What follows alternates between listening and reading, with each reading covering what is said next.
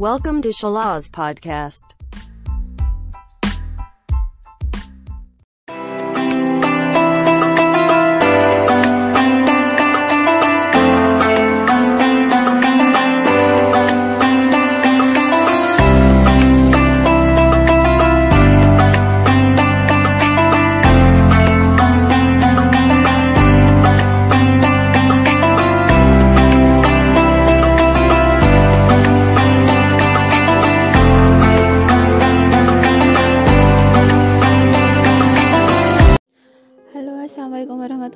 Wabarakatuh. Sahabat salas di mana pun berada Perkenalkan dengan saya Neima Gimana puasa Ramadannya hari ini? Uh, Apakah sudah ada yang bolong? Oke semoga saja belum ada yang bolong ya.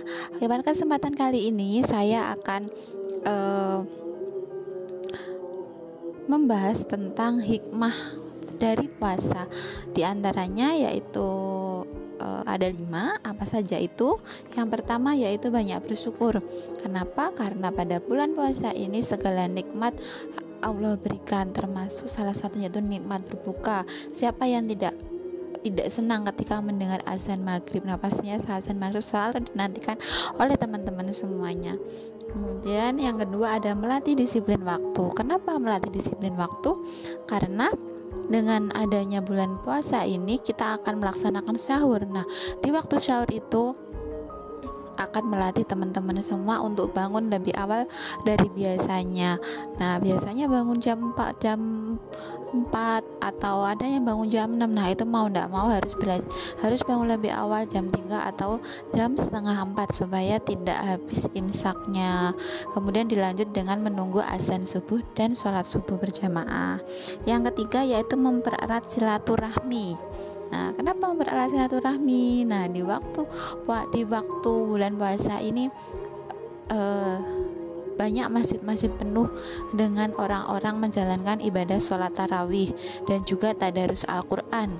Nah, dari situ mana ketika kita tidak tahu tetangga kita si A, si B atau si C nah dengan adanya sholat tarawih berjamaah itu kita akan saling mengenal kita akan lebih dekat dan menjalin silaturahmi menjadi lebih erat lagi Kemudian yang keempat ada peduli sesama. Ya, peduli sesama yaitu dengan cara membagikan takjil atau makanan ringan kepada uh, bisa pengendara motor atau mau uh, mobil yang lewat di jalan atau juga dengan memberikan kepada orang-orang yang tidak mampu untuk membeli makanan atau minuman untuk berbuka puasa. Yang kelima yaitu tiap kegiatan yang kita lakukan terhitung ibadah.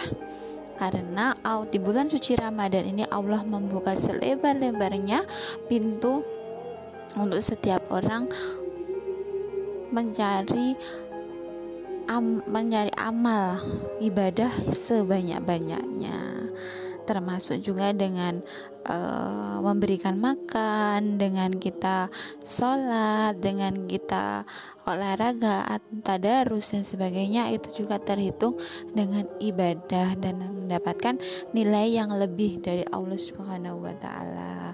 Oke, mungkin sekian yang bisa saya berikan informasi untuk tentang hikmah Ramadan pada kesempatan kali ini. Sampai berjumpa di lain kesempatan lagi. See you. Assalamualaikum warahmatullahi wabarakatuh.